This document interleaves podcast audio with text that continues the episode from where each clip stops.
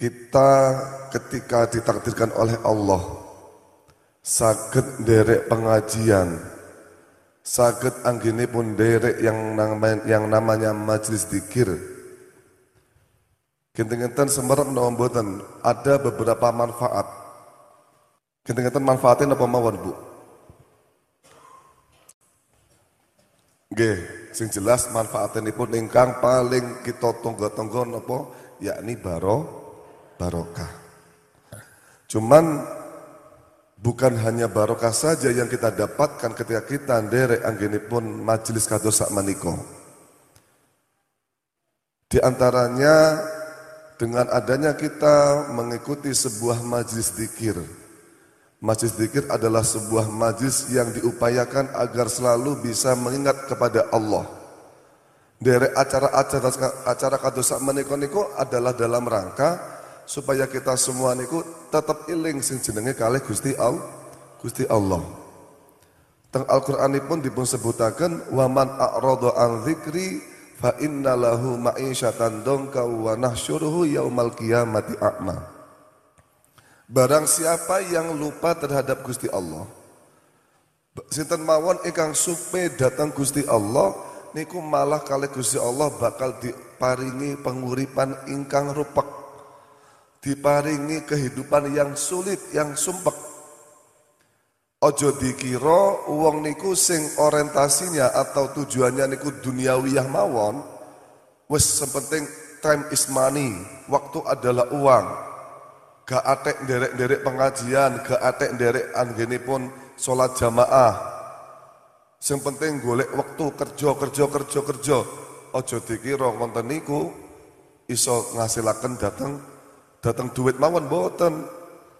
Justru malah nek wong lup supe pun dateng Gusti Allah maka kalau Gusti Allah niku bakal diparingi urip ingkang rekoso.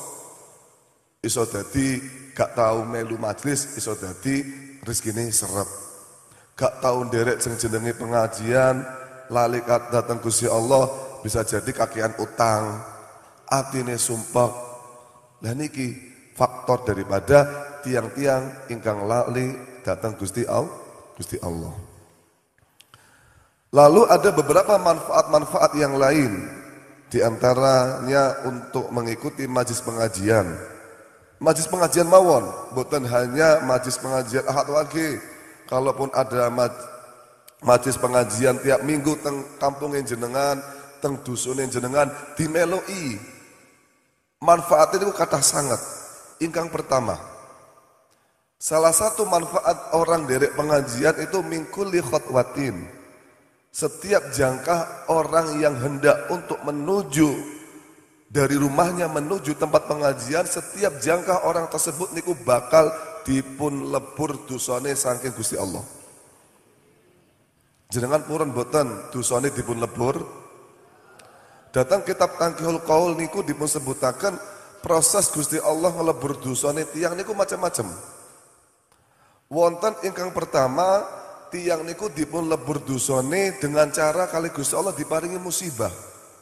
Nyuwun sewu, mbuh niku musibah kebakaran, kebanjiran, kembruan wit, ya, atau non sewu kemalingan.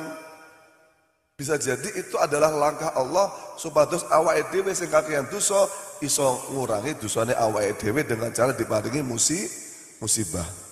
Niku adalah proses peleburan dosa atau penghapusan dosa.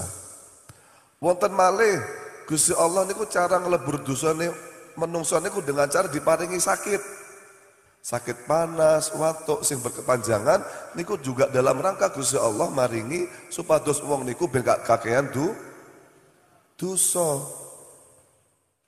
Jenengan umpami dipun lebur dosa ket awal, ket teng dunia. Dosane dilebur sedikit demi sedikit, insya Allah teng akhiratnya tinggal siti. Ketika teng akhiratnya tinggal siti, jenengan upaya untuk masuk surga niku lebih cepat, lebih cepat daripada jenengan mriki mboten nate entuk apa-apa, ora tahu kena musibah, ora tahu kena sakit, ora tahu dari pengajian.